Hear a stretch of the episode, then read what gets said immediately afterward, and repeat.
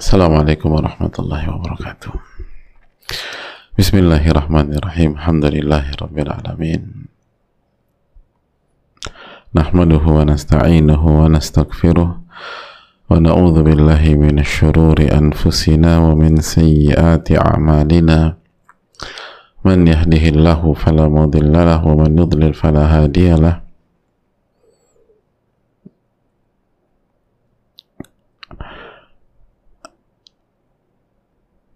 وأشهد أن لا إله إلا الله وحده لا شريك له وأن محمدا عبده ورسوله لا نبي بعده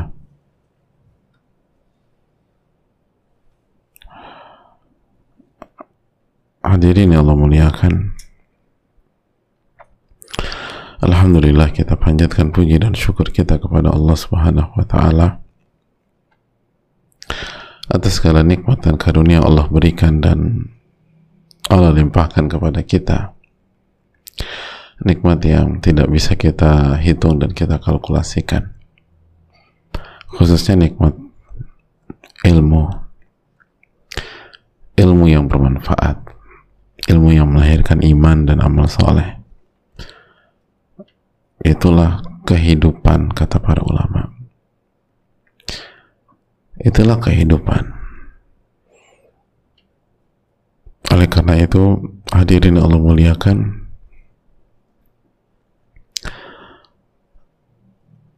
uh, bersyukurlah ketika kita diberikan kesempatan untuk mendapatkan ilmu yang bermanfaat. Hadirin Allah muliakan khususnya ibu-ibu sekalian yang Allah muliakan. Kita akan kembali bersama Al-Wabil Sayyib.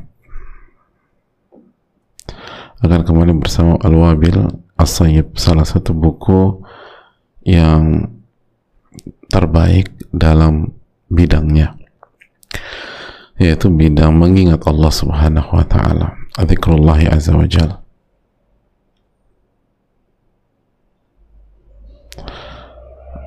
dan hadirin Allah muliakan kebersamaan kita dengan uh, kitab ini harus kita syukuri. Agar Allah tambah. Agar Allah tambah. Dan uh, Allah kasih taufik kepada kita agar kita bisa mengamalkan. Agar kita bisa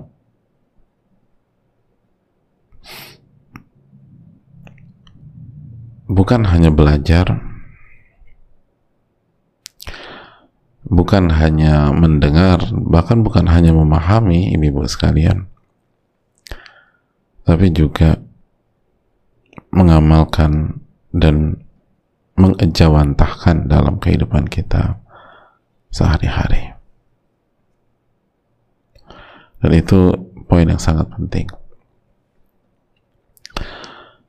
Dan sebelum kita mulai jangan lupa memperbanyak salawat dan salam kepada Nabi kita Sallallahu Alaihi Wasallam. Hadirin. Kita, kita masuk ke materi kita uh, hadirin khususnya ibu-ibu di kajian wanita ini dan para akhwat juga. Kemarin kita sudah membahas bahwa uh, ternyata syaitan itu bukan hanya membuat kita terjatuh ke dalam kesalahan bukan hanya membuat kita terjatuh ke dalam kemaksiatan. Bukan hanya membuat kita tersungkur ya ngerjain maksiat. Meninggalkan kewajiban atau mengerjakan yang haram. Namun ia pun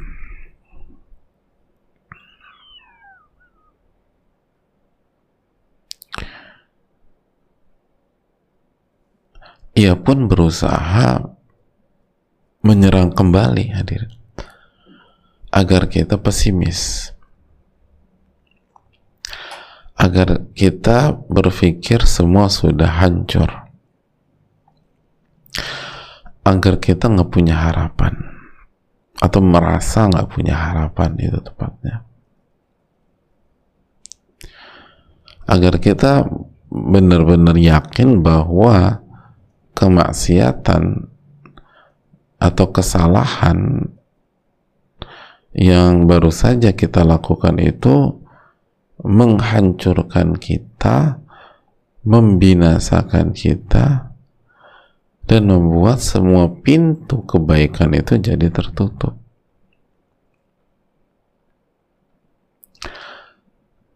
membuat karir kita tamat gitu loh misalnya. Nah. Dan ini serangan kedua syaitan kalau kita pakai bahasa ya, yang sering kali kita lupakan.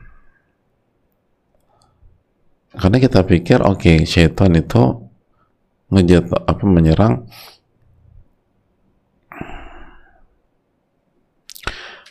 Agar kita jatuh ke dalam maksiat dan dia sudah berhasil. Titik. Oh enggak. Dia serang lagi kita membuat kita tuh merasa hancur merasa selesai merasa tamat sebelum waktunya nah, itu. Sebelum waktunya. Merasa kita nggak bisa lagi taubat padahal nyawa belum di tenggorokan atau kerongkongan. Padahal batas tobat itu malam yugorgir kata Nabi SAW itu hadirin jadi ingat ini permainan syaitan. Jadi begitu kita jatuh diserang lagi sama dia. Sehingga kita merasa nggak punya harapan. Sehingga kita merasa memang kita ini orang yang buruk. Orang yang nggak punya bakat untuk jadi orang baik dan kesolehan ketakwaan itu hanya angan tinggi yang nggak mungkin kita raih. Itu misalnya kita punya masalah rumah tangga dan itu kesalahan kita misalnya. Lalu rumah tangga kita memang berantakan syaitan itu bisikan kepada kita memang kita nggak pantas bahagia. Dan kita nggak akan bisa bahagia dalam rumah tangga kita. Semua sudah hancur.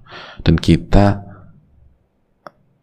bahasa ininya kita biang keroknya dan nggak bisa lagi memperbaiki. Gitu hadir ya. Makanya kalau kita merasa begini udah itu dari syaitan udah. Nggak usah ribet-ribet lagi. Kita lanjutkan. Padahal rahmat Allah itu masih luas. Gitu. Padahal karunia Allah itu besar. Padahal pintu belum tertutup. Oleh karena itu kita lanjutkan hadirin mari kita lihat al-wabil sayyib فإذا أراد الله بعبدي خيرا فتح له بابا من أبواب التوبة والندم والانكسار والذل والافتقار والاستغاثة به وصدق اللجأ إليه ودوام التضرع والدعاء والتقرب إليه بما أمكن من الحسنات. ما تكون تلك الحسنة به sababu rahmatih atau sababa rahmatih ma takunu tilka sayyi'atu bihi sababa rahmatihi. Hatta yaqul hatta yaqul adullah ya laitani taraktuhu wa lam uqi'hu. Ah, ini menarik hadir. Menarik gak ibu-ibu? Uh, apa yang menarik Pak Ustadz? Justru saya justru saya semakin putus asa nih Pak Ustadz. Itu Arab nggak ada nggak ada gondrong-gondrongnya gundul semua. Gimana saya paham? Jadi udah semakin kayaknya saya semakin putus asa lah Pak Ustadz. Nggak paham. Oh nggak usah putus asa ibu-ibu. Tinggal kita terjemahkan. Biidnillahi ta'ala dengan pertolongan Allah.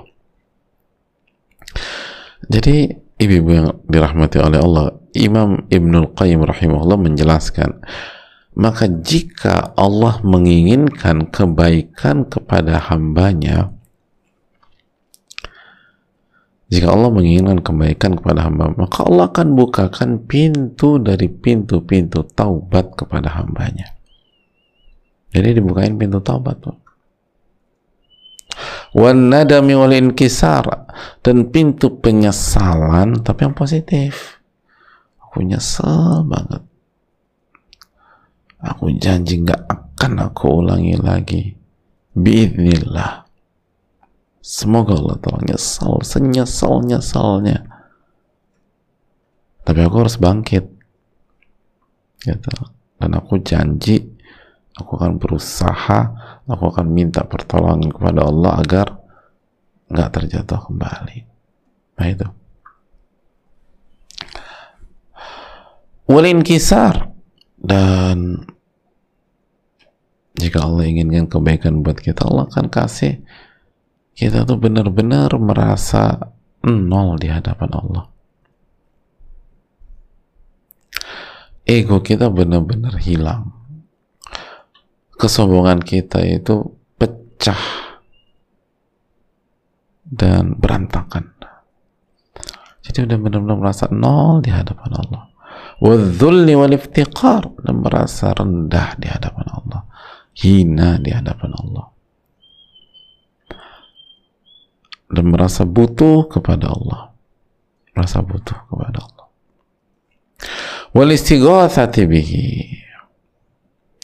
dan kita akan minta pertolongan kepada Rabbul Alamin ya Allah tolong ya Allah tolong ya Allah minta pertolongan istighatha dan benar-benar jujur dalam kembali kepada Allah. Gak ada kepentingan. Gak ada kepentingan. Gak ada hawa nafsu yang dipertuhankan. Benar-benar jujur kembali kepada Allah. Dan ketundukan yang terus menerus sudah udah kapok ya Allah kapok ya Allah. Udah udah mulai dari sekarang saya mau tadarru' aja lah. Nggak mau macam-macam saya mau mau tunduk aja. Nggak mau ribet-ribet lagi. Gitu hadirin. Wa du'a wa taqarrubi ilaih dan Allah buka pintu berdoa, banyak-banyak berdoa. Dan pintu bertakar kepada Allah. Jadi, ada habis itu aku mau mendekat aja, aku nggak mau jauh-jauh lagi, sengsara jauh-jauh. Sengsara menjauh dari Allah Subhanahu wa Ta'ala.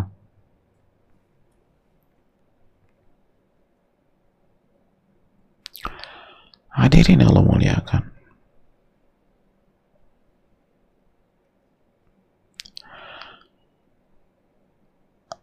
sehingga dia mengerjakan amal ibadah. Amal ibadah.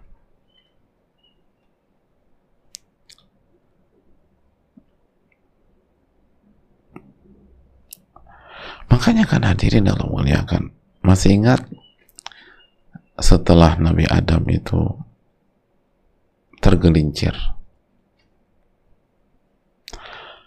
Apa yang dilakukan oleh beliau beliau berdoa hadirin Rabbana zalamna anfusana wa illam taghfir lana wa tarhamna lanakunanna minal khasirin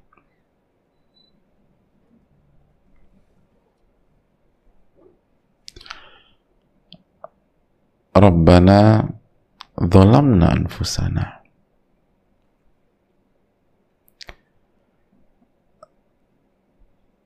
Wahai Rabb kami, kami telah melakukan perbuatan zalim kepada diri kami.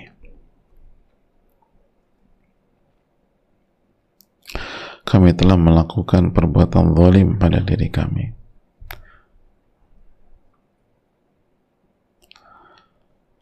Kami sudah mengerjakan yang engkau larang. Kami sudah makan buah tersebut.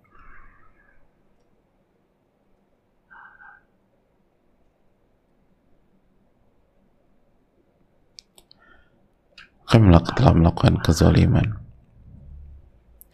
Wa illam takfir lana. Dan jika engkau tidak ampuni kami jika engkau tidak memaafkan kami wa tarhamna dan engkau tidak menyayangi dan sayang kepada kami. Lanakunanna minal khasirin. Maka kami pasti jadi orang-orang yang merugi ya Allah. Lihat. Bagaimana Nabi Adam berdoa kepada Allah. Bagaimana Nabi Adam alaihissalam al-inkisar merasa nol di hadapan Allah merasa butuh kepada Allah. Merasa rendah hina di hadapan Allah. Lihat bahasa-bahasa lihat kalimat yang di, yang diangkat Nabi Adam.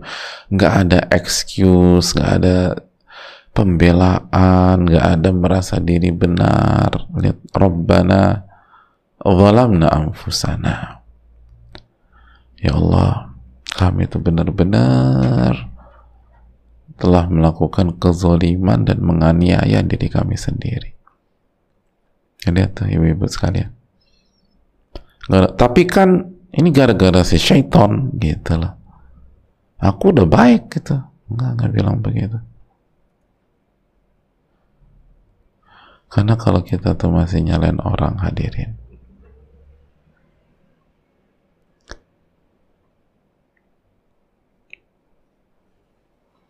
maka itu bukanlah sikap yang Allah inginkan.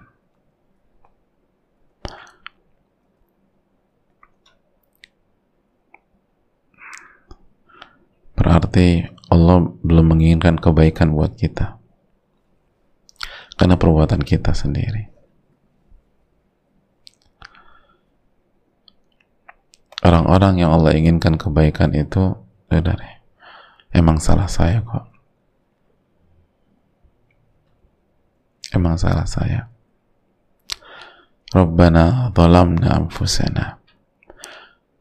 Ya Allah kami memang zalim sama diri kami. Gitu loh. Lihat Nabi Adam dan Hawa mengatakan hal yang serupa.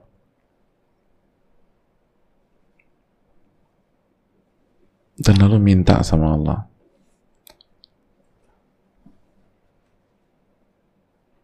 Kalau engkau tidak maafkan kami engkau tidak menyayangi kami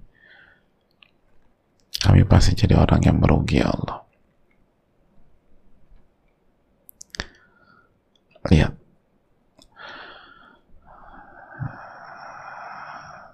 ini bukti dan tanda Allah tuh sayang sama hambanya begitu melakukan kesalahan, begitu melakukan kekhilafan, begitu melakukan dosa,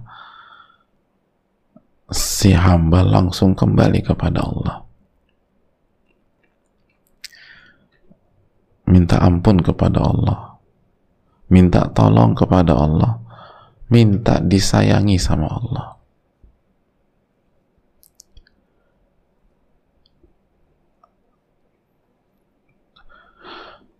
Hadirin yang Allah muliakan, mari kita simak keterangan Al-Imam Ibnu Qayyim rahimahullah yang begitu indah berikut ini.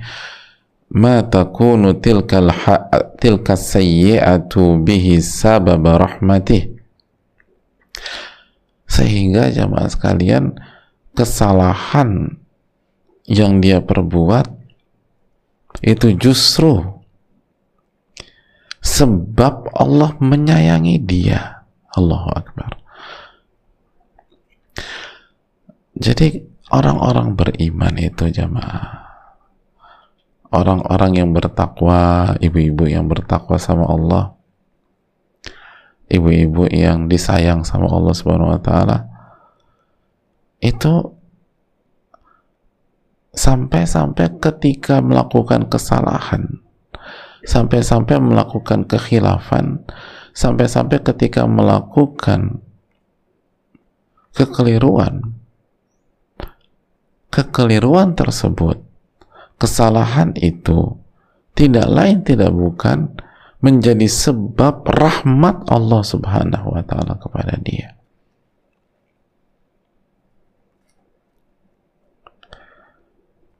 kesalahan dan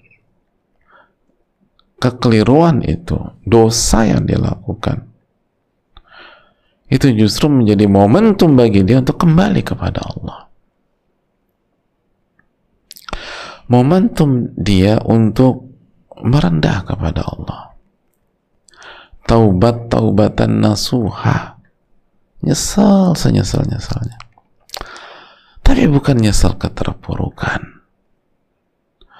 bukan nyesal kehilangan harapan bukan tapi penyesalan yang melahirkan amal soleh. Penyesalan yang merupakan bukti tobatnya taubatan nasuha. Lalu dia kembali kepada Allah. Hatta yaqula aduullah sampai pada saat itu terjadi iblis musuh Allah syaitan-syaitan itu sampai-sampai mengatakan lihat baik-baik ya laitani taraktuhu wa lam uqi'hu andai saja aku biarkan nih orang sehingga dia nggak terjatuh ke dalam kesalahan dan kemaksiatan Jadi sampai pada titik syaitan itu nyesel hadirin. Kenapa menyesal? Karena syaitan berpikir, kata para ulama, kalau saja aku tidak membuat dia jatuh ke dalam kesalahan, tidak membuat dia jatuh ke dalam kemaksiatan, maka kualitas dia nggak akan seperti ini dia nggak akan lebih mendekat kepada Allah Subhanahu wa taala seperti saat ini. Dia nggak akan berzikir seperti hari-hari ini. Dia nggak akan memperbanyak istighfar dan taubat seperti pekan-pekan ini. Jadi kata syaitan, lo mendingan nggak jatuh ke dalam kesalahan aja sekalian.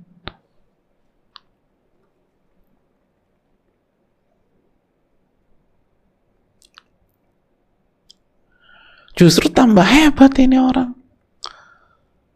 Tambah mendekat kepada Allah. Tambah berdoa kepada Allah, tambah minta ampun kepada Allah.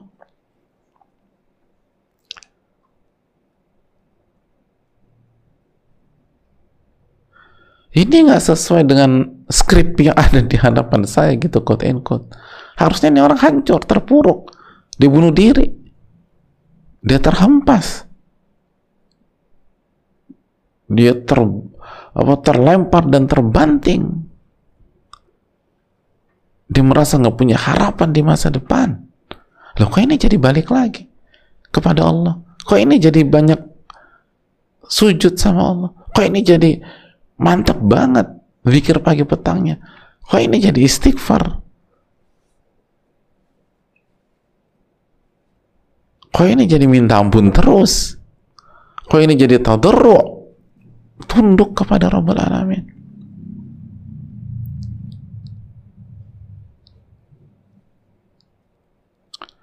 Itu yang perlu kita camkan.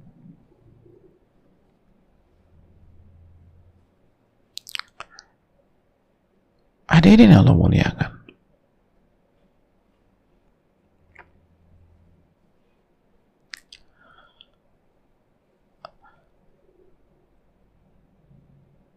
Coba kita evaluasi diri kita.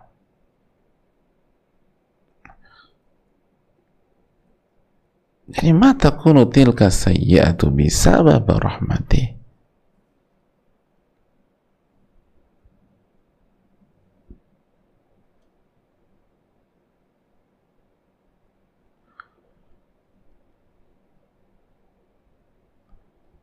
kesalahan yang dia perbuat itu justru menjadi sebab dia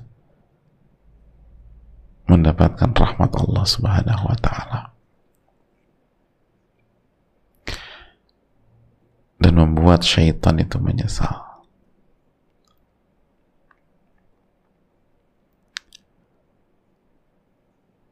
Syaitan itu menyesal. Jadi orang-orang ibu-ibu yang menuntut ilmu yang belajar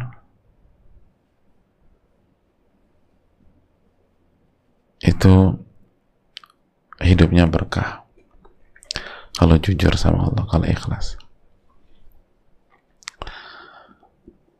kalau dia melakukan ketaatan itu akan semakin mendekatkan dia kepada Allah.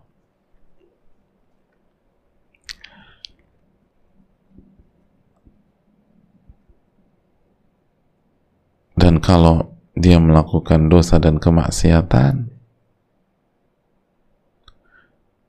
tergelincir, bukan sengaja. Bukan di skenario, dia tergelincir, dia khilaf. maka itu ternyata juga sebab mendapatkan rahmat Allah Subhanahu wa taala. Dan bukan memang disengaja dan ah nanti juga Allah rahmati. Oh ya bukan bukan. Itu bukan inkisar dan al-iftiqar. Allah taala alam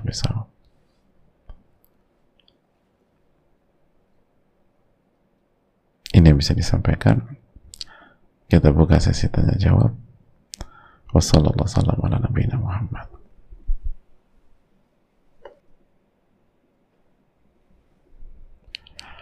Ya kita buka pertanyaan hadirin.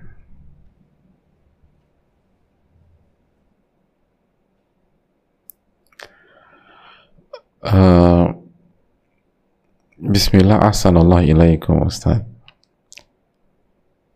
Sebelum sebelumnya Anda mau izin bertanya Afan jika di luar tema boleh silakan.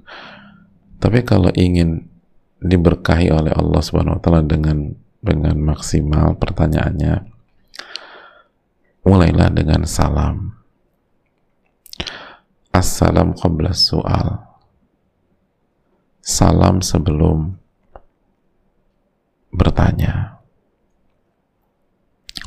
lalu jangan lupa doakan Al-Imam Ibn Al-Qayyim rahimahullah. Doakan yang sudah kasih kita ilmu hadirin. Sehingga kita terbiasa jadi pribadi yang bersyukur sama Allah. La yashkurullah man nas. Tidak bersyukur kepada Allah. Orang yang tidak bersyukur kepada manusia dan ini walaupun sederhana tapi penting kalau kita nggak bisa bersyukur kepada sosok yang memberikan kita ilmu lalu bagaimana kita bisa menghadapi orang-orang yang nggak baik kepada kita di kehidupan kita. Menghadapi orang yang baik aja kita nggak bisa bersikap apalagi ngadepin orang yang nggak baik. Dan baik dulu itu hadirin kita tuh kalau ketemu masyaikh kalau ketemu guru ya kalau ketemu uh, ulama kita tuh berusaha mengucapkan salam kepada beliau. Kenapa demikian karena ketika kita mengucapkan salam kepada beliau, maka kan syariatnya beliau akan menjawab salam kita. Dan ketika beliau menjawab salam kita, artinya apa? artinya kita mendapatkan doa dari mereka itu kan mahal hadirin tapi kalau kita nggak menjawab salam eh kalau kita nggak memberi salam nggak dapat doa kan assalamualaikum warahmatullahi wabarakatuh. Maka uh, mereka akan menjawab waalaikumsalam warahmatullahi wabarakatuh. Itu artinya apa? Kita dapat kita dapat doa keselamatan. Dapat doa di rahmat Allah. Lalu keberkahan. Gitu. Tiga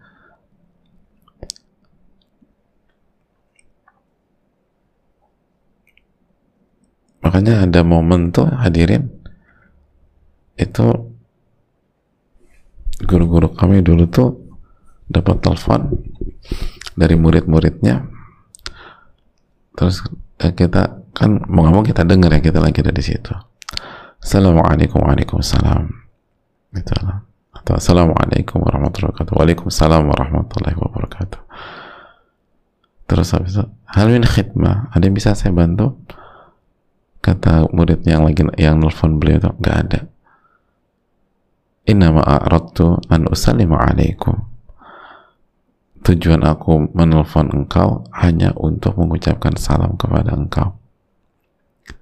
Karena itu orang cerdas kan dengan kita kasih salam kita dapat salamnya.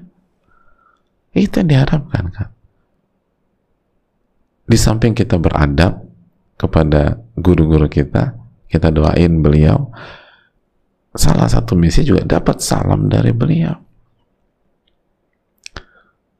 Makanya itu penting. Makanya itu salah satu hikmah. Kata Nabi Sallallahu Alaihi Wasallam assalam qabla soal salam dulu sebelum bertanya.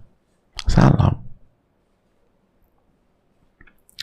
Bahkan ini apa penting sampai-sampai Nabi mengatakan dalam beberapa yang lain barang siapa yang bertanya tanpa dimulai dengan salam maka jangan jawab pertanyaannya.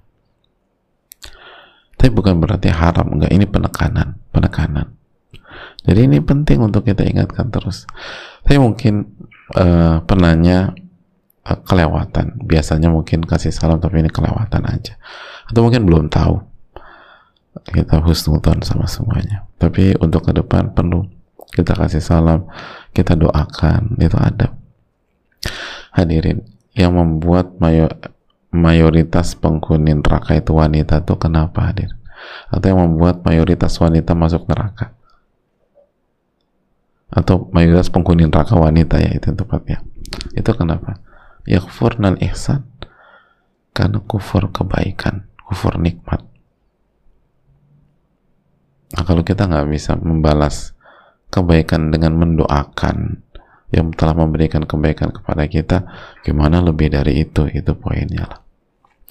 Oke, kita jawab. Jadi ada seorang ma mahasiswa yang mengikuti ospek.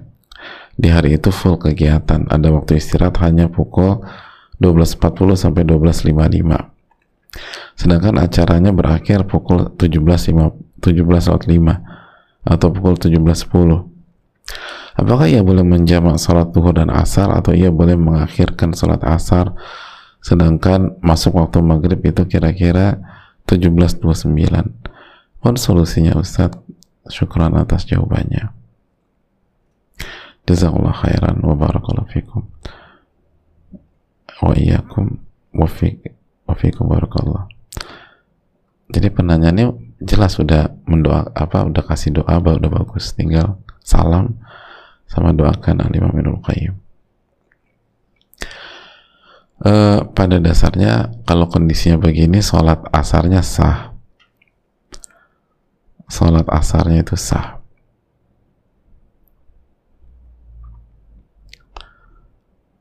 Namun salat dan kalau dia mau menjamak sesekali itu boleh. Tapi kalau ospeknya misalnya dua minggu gitu maka upayakan sholat pada waktunya. Jadi menjawab itu sesekali itu nggak masalah hadirin. Sebagaimana praktek Nabi kita Sallallahu Alaihi dalam kondisi yang non safar ya. Kalau pas safar mah jelas. Nah dan hendaknya coba diperjuangkan. Karena 17 slot 5, 17 10 ke 17 9 itu terlalu mepet. Kalau misalnya bisa langsung sholat itu aja udah mepet banget. Ini kita harus mungkin kamar kecil kita nyari tempat wudhu belum lagi kalau wanita atau akhwat agak butuh waktu yang lebih daripada ikhwan gitu untuk wudhunya dan lain sebagainya. Maka coba di diperjuangkan gitu loh. Kita nggak minta apa pun tapi kita minta ada break di awal waktu sholat asar itu aja kok. Nggak apa-apa aspeknya diakhirkan lagi aja sampai benar-benar menjelang maghrib. Tapi tolong kasih waktu sholat asar di awal dan coba di, diajukan. Perjuangkan dulu. Ajak yang lain. Kita nggak nuntut apa pun. Kita nuntut sholat asar di awal waktu. Biar berkah ini acara. Dan ingat sholat asar itu sholat wusta. Sholat yang sangat spesial.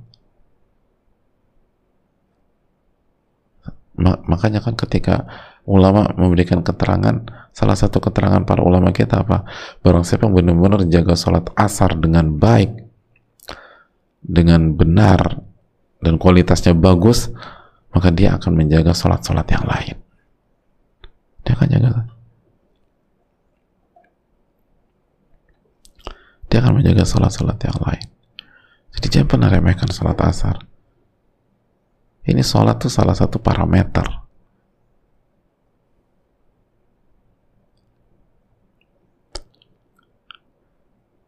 Makanya kan kalau kita bicara garis besar kan amal ibadah seorang hamba itu kan tergantung sholatnya.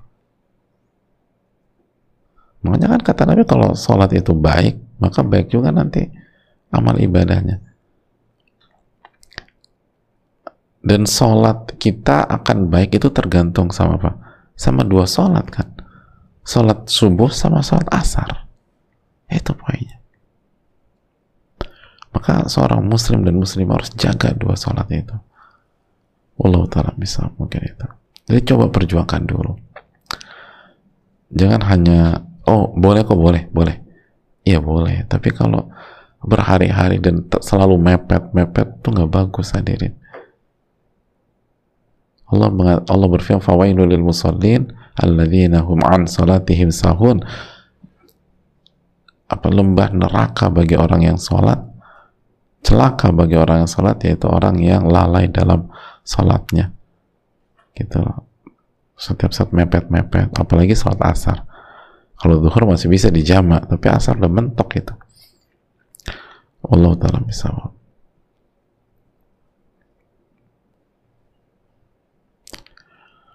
kita lanjutkan hadirin. Allah taala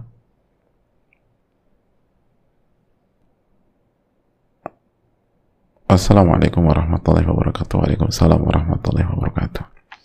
Semoga Allah merahmati Imam Ibn Qayyim dan keluarga, Ustadz dan tim dan seluruh umat muslim. Amin ya alamin. Wa. Izin bertanya Ustadz Ayah saya sampai saat ini masih memiliki hutang ke bank dan kedua belum diberikan hidayat tentang dosa riba. Beberapa kali saya coba memberikan pandangan tentang riba tapi belum berhasil saya sudah menikah namun ayah saya masih selalu rutin setiap bulan mengirimkan uang. Apakah saya juga akan menanggung dosa riba ini Ustadz ya salah khairan. Wa iya jawabannya uh, hadirin yang Allah muliakan.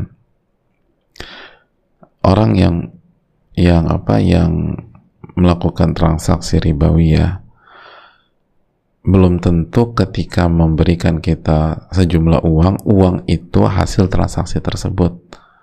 Atau uang itu riba kan? Kemungkinan uh, bisa saja tidak hadir. Bisa jadi yang dia kasih ke kita itu misalnya yang dia dapatkan dari pos yang lain. Dari hasil yang lain kan begitu. Jadi nggak harus demikian. Itu poin-poin yang kedua.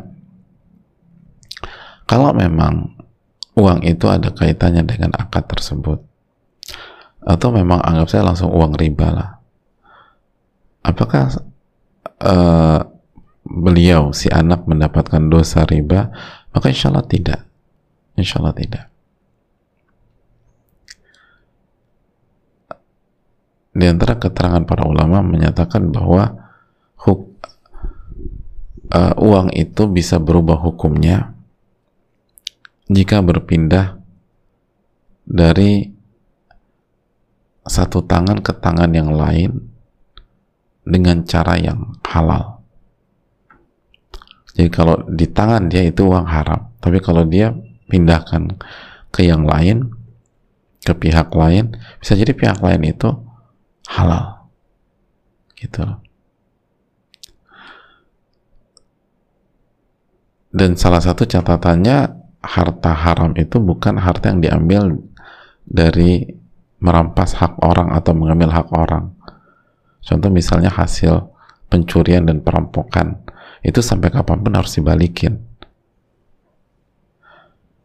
Tapi kalau misalnya dari riba itu kan ridho sama ridho pada dasarnya. Maka bisa jadi di si A ini haram lalu ketika dia nggak boleh gunakan gitu itu haram. Kalau dia gunakan itu haram. Maka dia harus buang. Dia harus uh, apa namanya tinggalkan. Dan kalau digunakan oleh orang lain menjadi halal. Gitu loh. di antara dalilnya adalah Nabi SAW uh, eh, menggadaikan baju perang atau baju besi beliau ke orang Yahudi. Dan arti gadai itu pinjam dengan uh, apa? Dengan jaminan kan gitu ya. Dan yang namanya pinjam dengan jaminan berarti Nabi SAW menggunakan uang tersebut apa tidak? Makan uang tersebut apa enggak? Iya kan? Dan pinjaman dengan jaminan itu uh, perpindahan uang yang halal apa yang haram? Pinjam boleh apa nggak sih? Boleh. Dengan jaminan atau gani itu boleh. Maka Nabi lakukan itu. Sedangkan Yahudi pada zaman itu kan Allah sudah katakan akaluna lisuhud. Mereka itu hobi makan uang yang haram. Gitu. Jadi walaupun dikatakan Allah akaluna lisuhud di dalam Al-Quranul Karim mereka itu apa kerjanya tuh makan uang haram. Berarti kan uangnya bermasalah dong. Tapi Nabi menggadaikan baju perang dan besi beliau kepada orang Yahudi.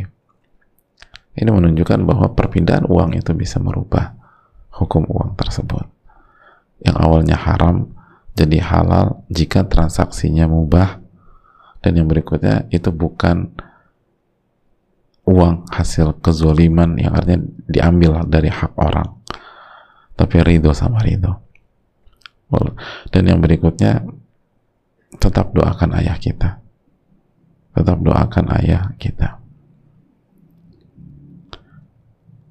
Allah Ta'ala misal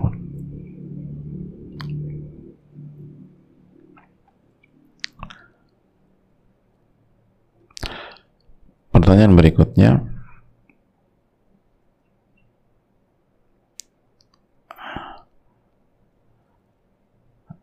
Assalamualaikum warahmatullahi wabarakatuh. Waalaikumsalam warahmatullahi wabarakatuh. Semoga Imam Nur Qayyim Ustadz tim kajian selalu mendapatkan rahmat Allah dan juga untuk kita semua. Amin ya Rabbal Alamin.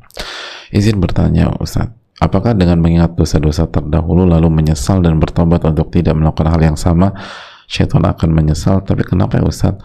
Kadang iman ini sering tidak stabil walaupun sudah berusaha memalingkan dari godaan syaitan. Mohon alasannya mohon arahannya Ustaz. Syukran jazakallahu khairan. Barakallahu fikum. Fikum fikum barakallah. Wa iya. Jawabannya ya insya Allah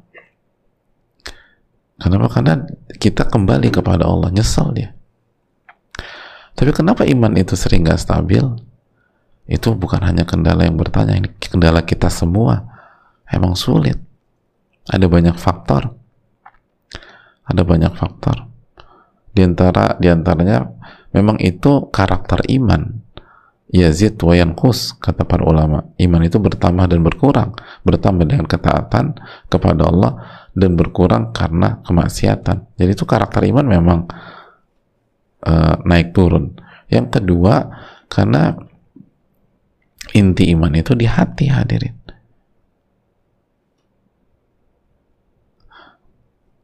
Inti iman kan di hati yang akan tercermin dengan anggota badan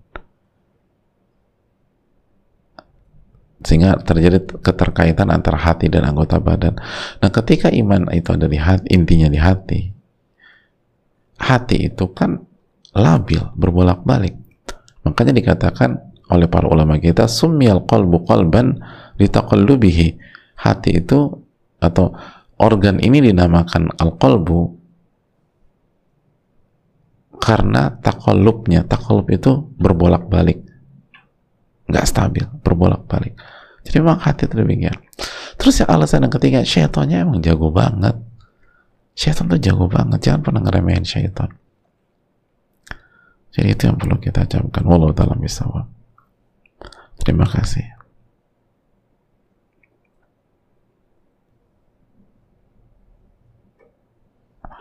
Assalamualaikum warahmatullahi wabarakatuh. Waalaikumsalam warahmatullahi wabarakatuh. Semoga Allah senantiasa merahmati Ustaz Seluruh keluarga Tim kajian wanita, kaum muslimin Dan seluruh ulama kita. Amin ya rabbal alamin.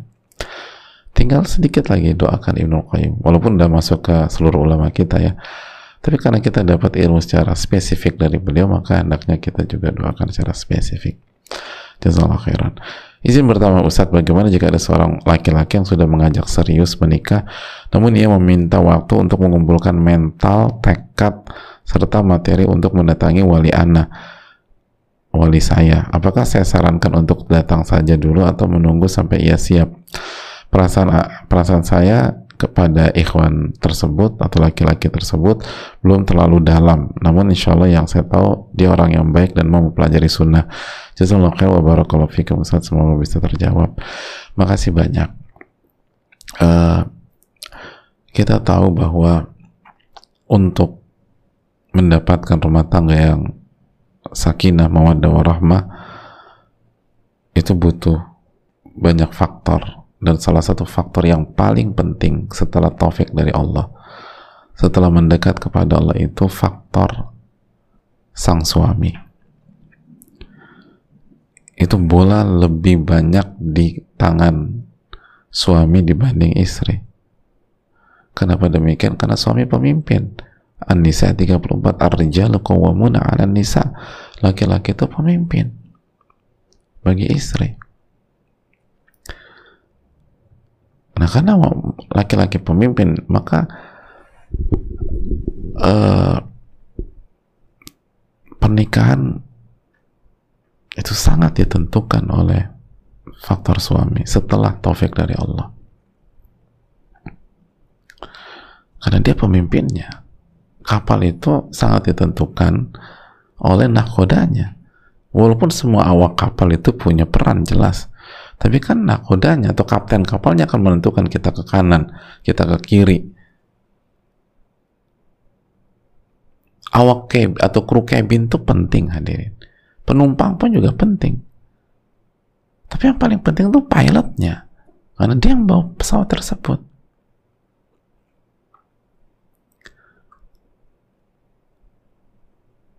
Makanya uh, jamaah sekalian, ibu-ibu dan para akhwat,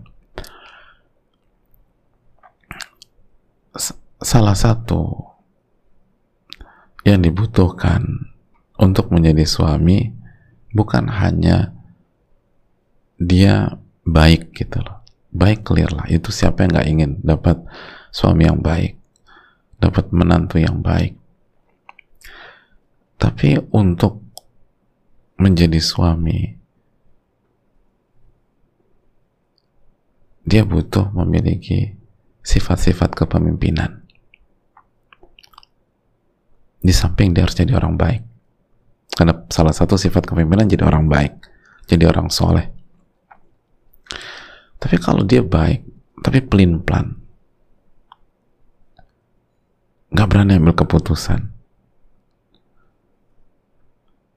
mentalnya aduh nggak itu bahaya loh.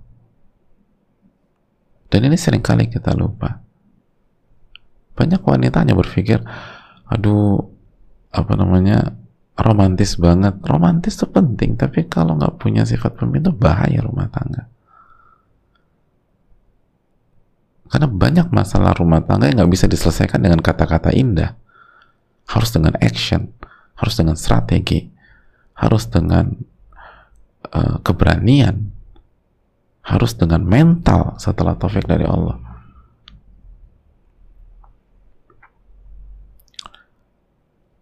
Atau misalnya ada sebagian wanita tuh aku nggak aku udah aku udah tetapkan pilihanku jatuh pada dia. Kenapa? Aku tuh suka banget hanya senyumnya. Jadi aku suka banget sama senyumnya. Senyum tuh penting loh hadirin. Iyalah wanita yang punya suami senyumnya manis kan enak di, di pelototin juga adem-adem aja. Dan dia nggak perlu gondol basor nggak perlu menundukkan pandangan. Tapi ada banyak masalah rumah tangga. Itu nggak bisa diselesaikan dengan sebatas senyuman. Dibutuhkan mental dibutuhkan tadi analisa dibutuhkan keberanian. Jadi jangan, jangan berpikir simpel. Rumah tangga itu hal yang sulit kecuali diberikan taufik oleh Allah.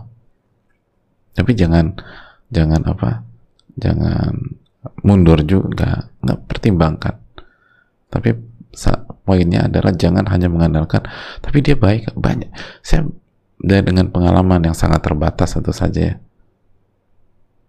Ada di lapangan itu hadirin banyak pernikahan karam gagal itu bukan karena si suami dan si istri nggak baik dan saya tahu ada beberapa, ada beberapa kasus dan banyak kasus istri minta cerai bukan karena suaminya nggak baik, bukan karena suami, tapi suaminya bukan pemimpin itu poinnya.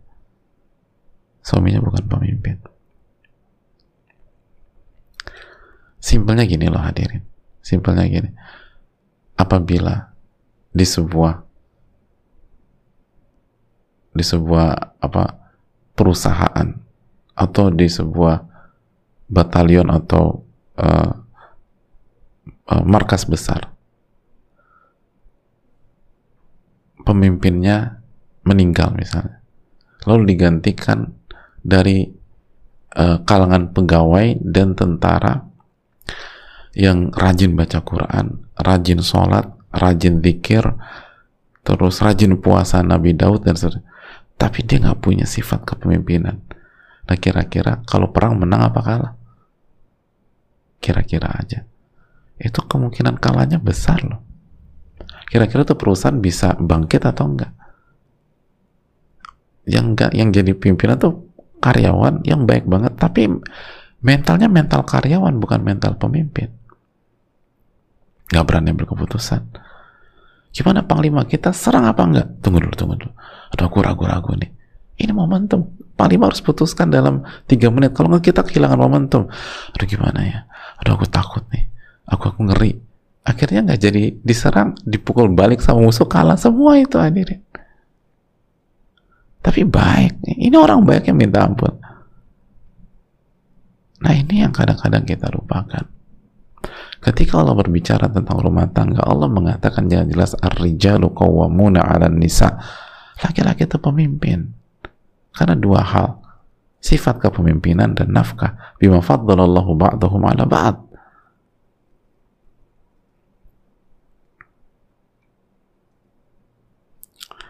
Dan sering kali wanita lupa dalam membuat, dalam mempertimbangkan sisi itu ketika ingin menikah. Apalagi kalau misalnya laki-lakinya udah keren, uh, tampan,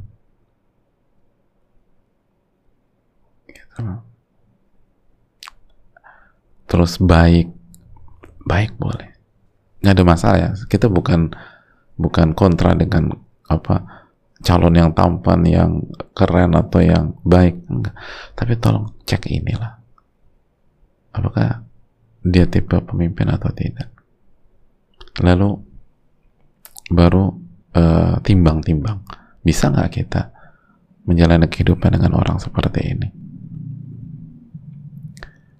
Semakin kuat sisi kepemimpinannya semakin besar peluang bertahan dan bahagianya. Dengan taufik dari Allah. Ar-rijalu nisa. Dan pemimpin yang baik tugasnya bukan untuk menindas istrinya bukan. Kita cari pemimpin yang sejati bukan untuk mendolimi istri menyakiti istri semena-mena. Justru pemimpin sejati akan memperlihatkan kemampuannya dengan taufik Allah sehingga istri itu merasa aman, nyaman, dibimbing, diarahkan, dilindungi terus istri juga bisa ketawa, bisa senyum bisa bermain. Eh, itu kalau bisa dapat itu. Bersyukurlah kepada Allah subhanahu wa ta'ala. Allah ta'ala bisa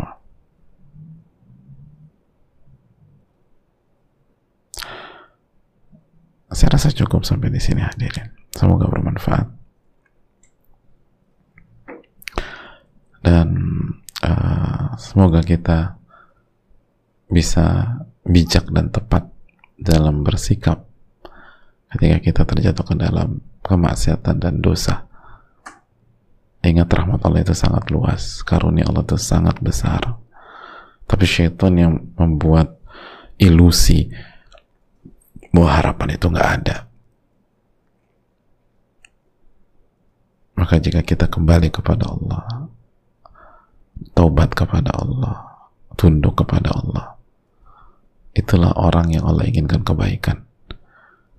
Dan itu menjadikan kegelinciran kita justru sebab datangnya rahmat Allah dan buat kita jauh lebih baik lagi. Rabbana zalamna anfusana wa illam taghfir lana wa tarhamna lanakunanna minal khasirin Ya Allah kami telah mentolimi diri-diri kami sendiri kalau engkau tidak ampuni dan engkau tidak sayangi maka kami pasti termasuk orang-orang yang rugi. Ini yang bisa disampaikan. Semoga Allah ampuni segala khilaf dan dosa-dosa kita. Dan semoga kita semua khususnya ibu-ibu dan para akhwat yang mengikuti menjadi wanita-wanita yang soleha dan dapat meraih mimpinya mendapatkan rumah tangga yang sakinah mawadah warahmah dan tidak putus asa ketika kita melakukan